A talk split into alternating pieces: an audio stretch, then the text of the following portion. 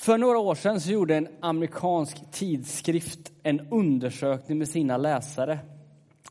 Läsarna ombads skicka in meningar som de helst av allt tycker om att höra. Och efter att de hade gjort det så, så bildade tidskriften en topplista med tre meningar som de tyckte väldigt mycket om att höra. Vad tror du själv? Vad skulle du önska om du fick den frågan? Vilka meningar tycker vi om att höra? Ja, två av de här tre meningarna kanske inte är så, så liksom överraskande. Det var jag förlåter dig. Det är fantastiskt att få förlåtelse. Jag älskar dig. Att höra om kärlek. Men så var den tredje meningen. Maten är klar. Ja, men de här två första är inte så konstigt, men maten är klar. Varför var den så fantastisk att få höra? Ja, men tänker man lite längre så inser man ja, men det är klart att den är med. Jag menar, efter en lång dag på jobbet, komma hem och så hör man någon som är redan är i köket berätta för dig att maten är redan klar. Du behöver inte göra någonting, du behöver bara komma in, sätta dig till bords och ta emot. Jag tror vi alla kan relatera till den känslan och hur fantastiskt det är att få just den bekräftelsen. Det är ju så annars med ord, att ord framkallar känslor hos oss. Ord har en förmåga att både kunna sänka oss som människor och samtidigt bygga upp oss som människor. Jag tänker på alla gånger som, som barn eller som ungdom där hemma och man vet att man gjorde någonting fel och som man visste att ens föräldrar inte alls tyckte om. Hur ont gjorde det inte inom en då man fick höra att de var besvikna efteråt? Än idag kan man ju bara känna, ja, men, tänk den gången och de sa att de var besvikna. Ja, det gjorde ju ont inom en när man framkallade de känslorna hos sin mamma eller pappa. Och samtidigt, de gånger man istället hade gjort någonting bra och man fick höra att de var stolta över en. Det var ju motsatt effekt. Man växte och man kände inombords att man hade gjort någonting bra. Det är ju så med ord, att både det lästa ordet, det vi läser i olika böcker och tidningar och liknande, men också det sagda ordet kan få en, en enorm påverkan över vilka vi är som människor. Och den här boken, Bibeln, bär också, kanske framför allt på en enorm kraft. De ord och de meningar och de sammanhang som finns här, som är sammanställda över en lång tid, har alltid haft en stor påverkan på människor i alla tider. Och det uttryck som Bibelns ord benämns också i den här gudstjänsten och i den här predikan är att bibelordet är levande det ord som läggs fram, när det läggs fram på rätt sätt så kan det faktiskt tala in i våra liv så att vi växer som människor och förstår mer vad det är att leva.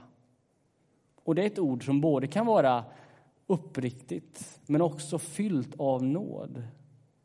Ett ord som kan lära oss att hantera livets alla utmaningar. Annars är det så att Bibeln är skriven för väldigt många år sedan. Det, det är vi medvetna om. Den är skriven på olika sätt, i olika genrer. Den har olika författare.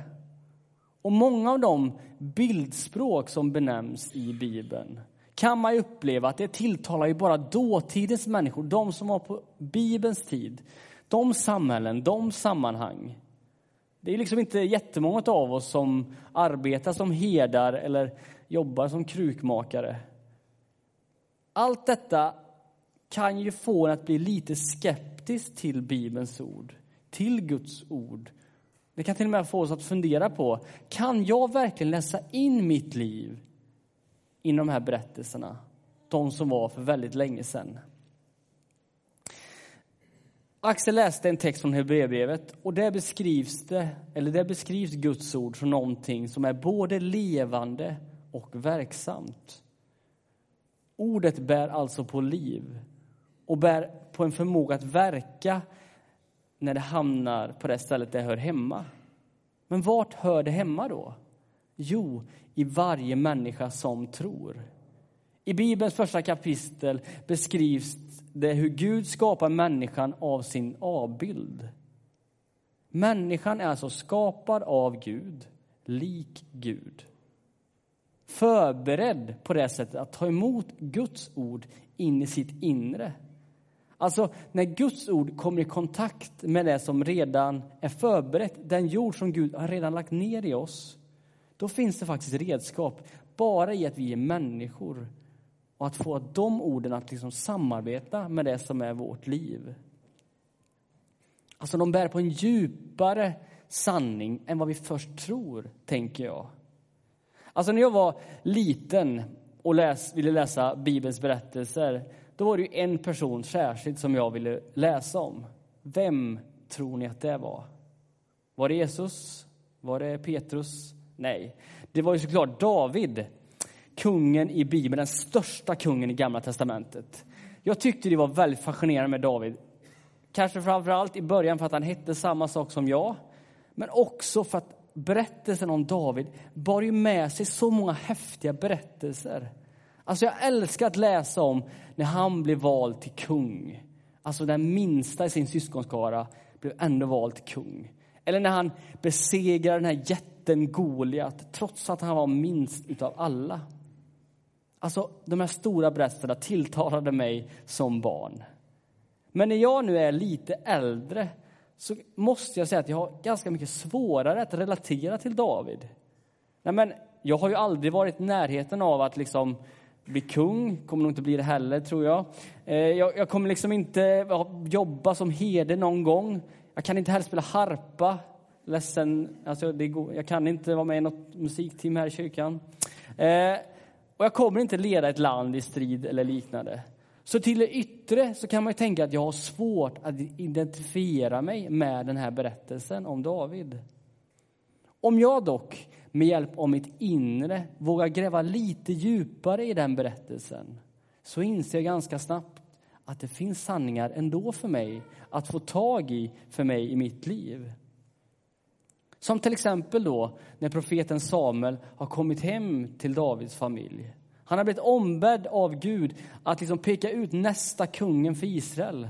Och han ställs inför den äldsta sonen i den här familjen. Och han tänker direkt i sitt inre, den här profeten Samuel, att han är det ju.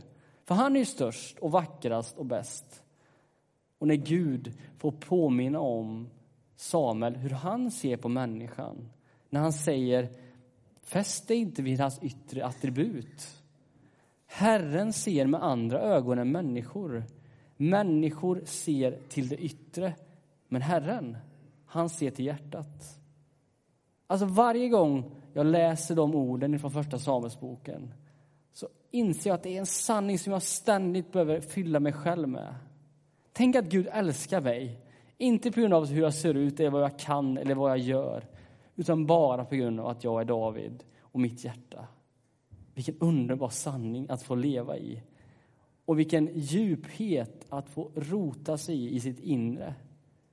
Alltså Guds ord har en förmåga att vara verksamt och tala till det som är vårt innersta. Inte det yttre, utan det inre. När sen författaren fortsätter att tala om det här levande ordet så talar han om det som ett skarpt svärd. Alltså ett svärd som griper så långt in att vi direkt liksom känner det. Och att ordet då skiljer själ och ande, led och märg, det är liksom ett bildspråk som inte ska tolkas bokstavligt utan snarare tolkas att Guds ord är skarpt. Och att det är kanske viktigare än någonsin att försöka förstå vad det ordet betyder. För visst lever vi just nu, kan man säga, ett överflöd av ord som kommer emot oss. Alltså det informationssamhälle, alltså från att vi vaknar på morgonen, lyfter upp vår telefon, till att vi går och lägger oss på kvällen, så tas vi emot av mängder av information. Alltså vi får flashar med rubriker, med bilder och ord. Och så ska vi hela tiden avgöra, är det här viktigt eller är det inte viktigt? Och mitt i allt detta, mitt i all information som kommer emot oss, så ska vi också försöka förstå vilket som är från Gud. Hur Gud ska tala till oss idag. Hur ska jag veta när Gud talar till mig och det inte bara är tomma ord och tankar? Jag tror att vi måste behöva lära oss, eller bli ännu bättre på, att lära känna Guds röst. I Bibeln används ju ofta, bilden ofta av Gud som herden och människan som fåren. Får som gång på gång springer bort som vi människor gör, men som litar på herden. Och så fort han ropar så kommer de eftersom de känner igen hans röst. Vi vet ju att livet kastar emot oss alla möjliga problem och utmaningar. Och i det vill Gud finnas. I centrum, i vårt inre, vill Gud försöka tränga igenom det bruset som försöker få oss längre bort från honom. Och vi känner igen hans röst, tror jag, om vi ständigt försöker söka och finnas i sammanhang där vi kan bli närvarande för honom. För du vet att Gud, han är alltid närvarande hos dig. Men vi behöver platser för att bli närvarande hos honom. Det är därför till exempel vi behöver läsa Bibeln regelbundet. Och här handlar det inte, återigen, om att en viss antal texter, kapitel, versar per dag som du bör läsa. Det handlar inte om det. Det handlar inte om mängd. Men det handlar faktiskt om att ha igång det.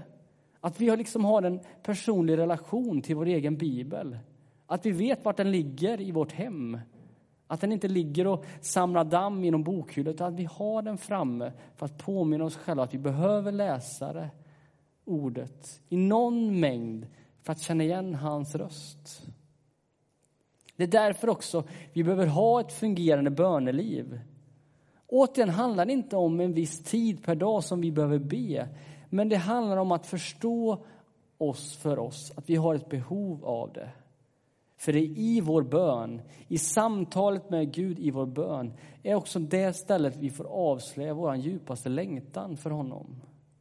För det är på så sätt vi låter Gud ha tillgång till vårt inre.